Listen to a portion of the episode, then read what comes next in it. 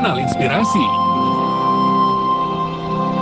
Kembali di Lintas Jakarta Pagi pendengar edisi kali ini bersama dengan saya Farid Kurniawan yang sedang menggantikan sementara posisi rekan saya Binda Umar yang hari ini masih berhalangan hadir ya. Besok insya Allah rekan Binda Umar akan bisa kembali menemani Anda di Lintas Jakarta Pagi pendengar di jam 5 sampai dengan jam 10 pagi ya. Dan pagi hari ini kami masih akan terus mengajak Anda untuk beropini seputar vaksinasi tahap kedua ya pendengar. Dan sekarang ini saya sudah terhubung bersama dengan uh, Bang Asas Tigor Nenggolan, Ketua Forum Warga Kota atau Fakta uh, Indonesia. Selamat pagi, Bang Tigor.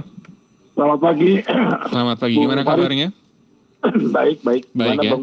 Uh, saya baik, alhamdulillah. Dengan uh, kru Pro 1 yang bertugas hari ini juga Amin. semuanya baik, amin Sehat ya. semua. Sehat Ya. semuanya. Bang Tigor, ini Oke. kalau kita ngomong-ngomong tentang vaksinasi, catatan dari fakta seperti apa?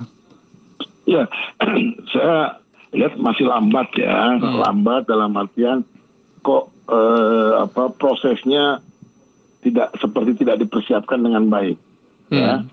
jadi kalah dengan yang di Yogyakarta, misalnya tahap pertama untuk tenaga kesehatan ya, Hmm. mereka langsung tuntas. Oke. Ya, kalau Jakarta eh, belum tuntas gitu loh. Hmm, ya. hmm, hmm, Jadi ini kan bahaya ya buat Iya. tenaga kesehatan. Satu, kedua, eh, kemarin dinas kesehatan hmm, Pemprov DKI Jakarta tuh mengumumkan bahwa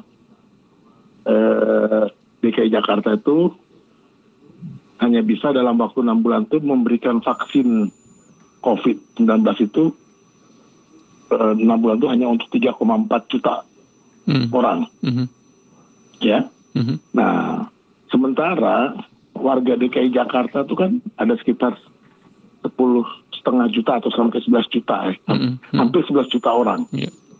Kalau kita hitung, berarti kan kalau kan katanya baru memulai akhir Februari ini, ya hmm, vaksin tahap kedua untuk yang lainnya. hmm, Nah, kalau ke, baru mulai Februari ini, kita hitung 3,4 juta orang itu dalam waktu enam bulan. Sementara penduduk Jakarta itu hampir 11 juta orang. Iya.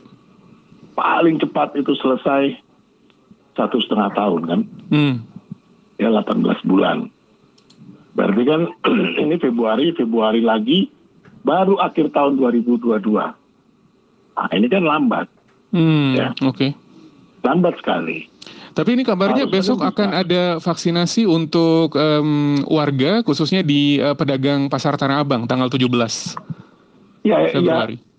ya silakan saja. Tapi kan Hmm. targetnya hanya target pencapaiannya hanya segitu, Bung Hmm, Farid. hmm, hmm, Itu bahaya menurut saya, Oke.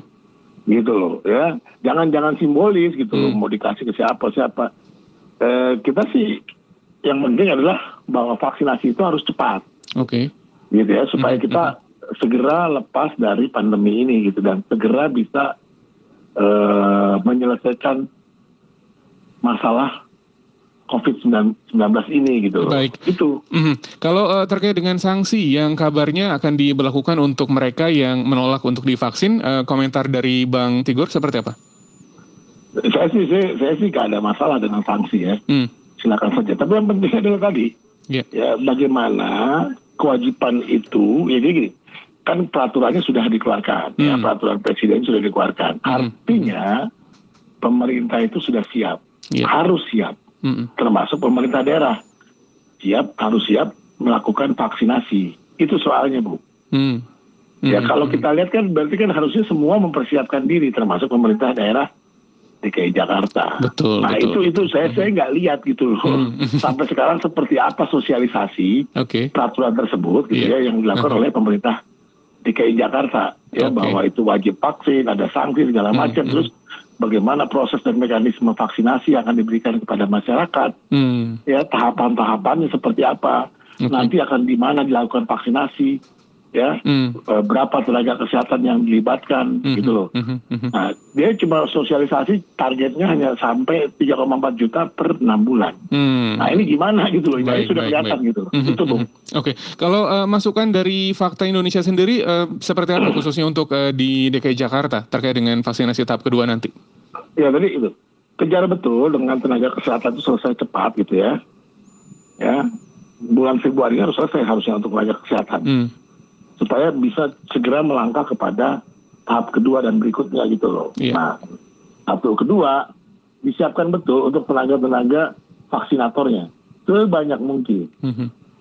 dan dibangun juga mekanisme yang tepat sasaran. Artinya gini, masyarakat tahu di mana dan dekat dengan masyarakat Mhm. dan masyarakat bisa cepat mendapatkan informasi bahwa dia akan divaksin itu loh, Mhm, divaksinasi.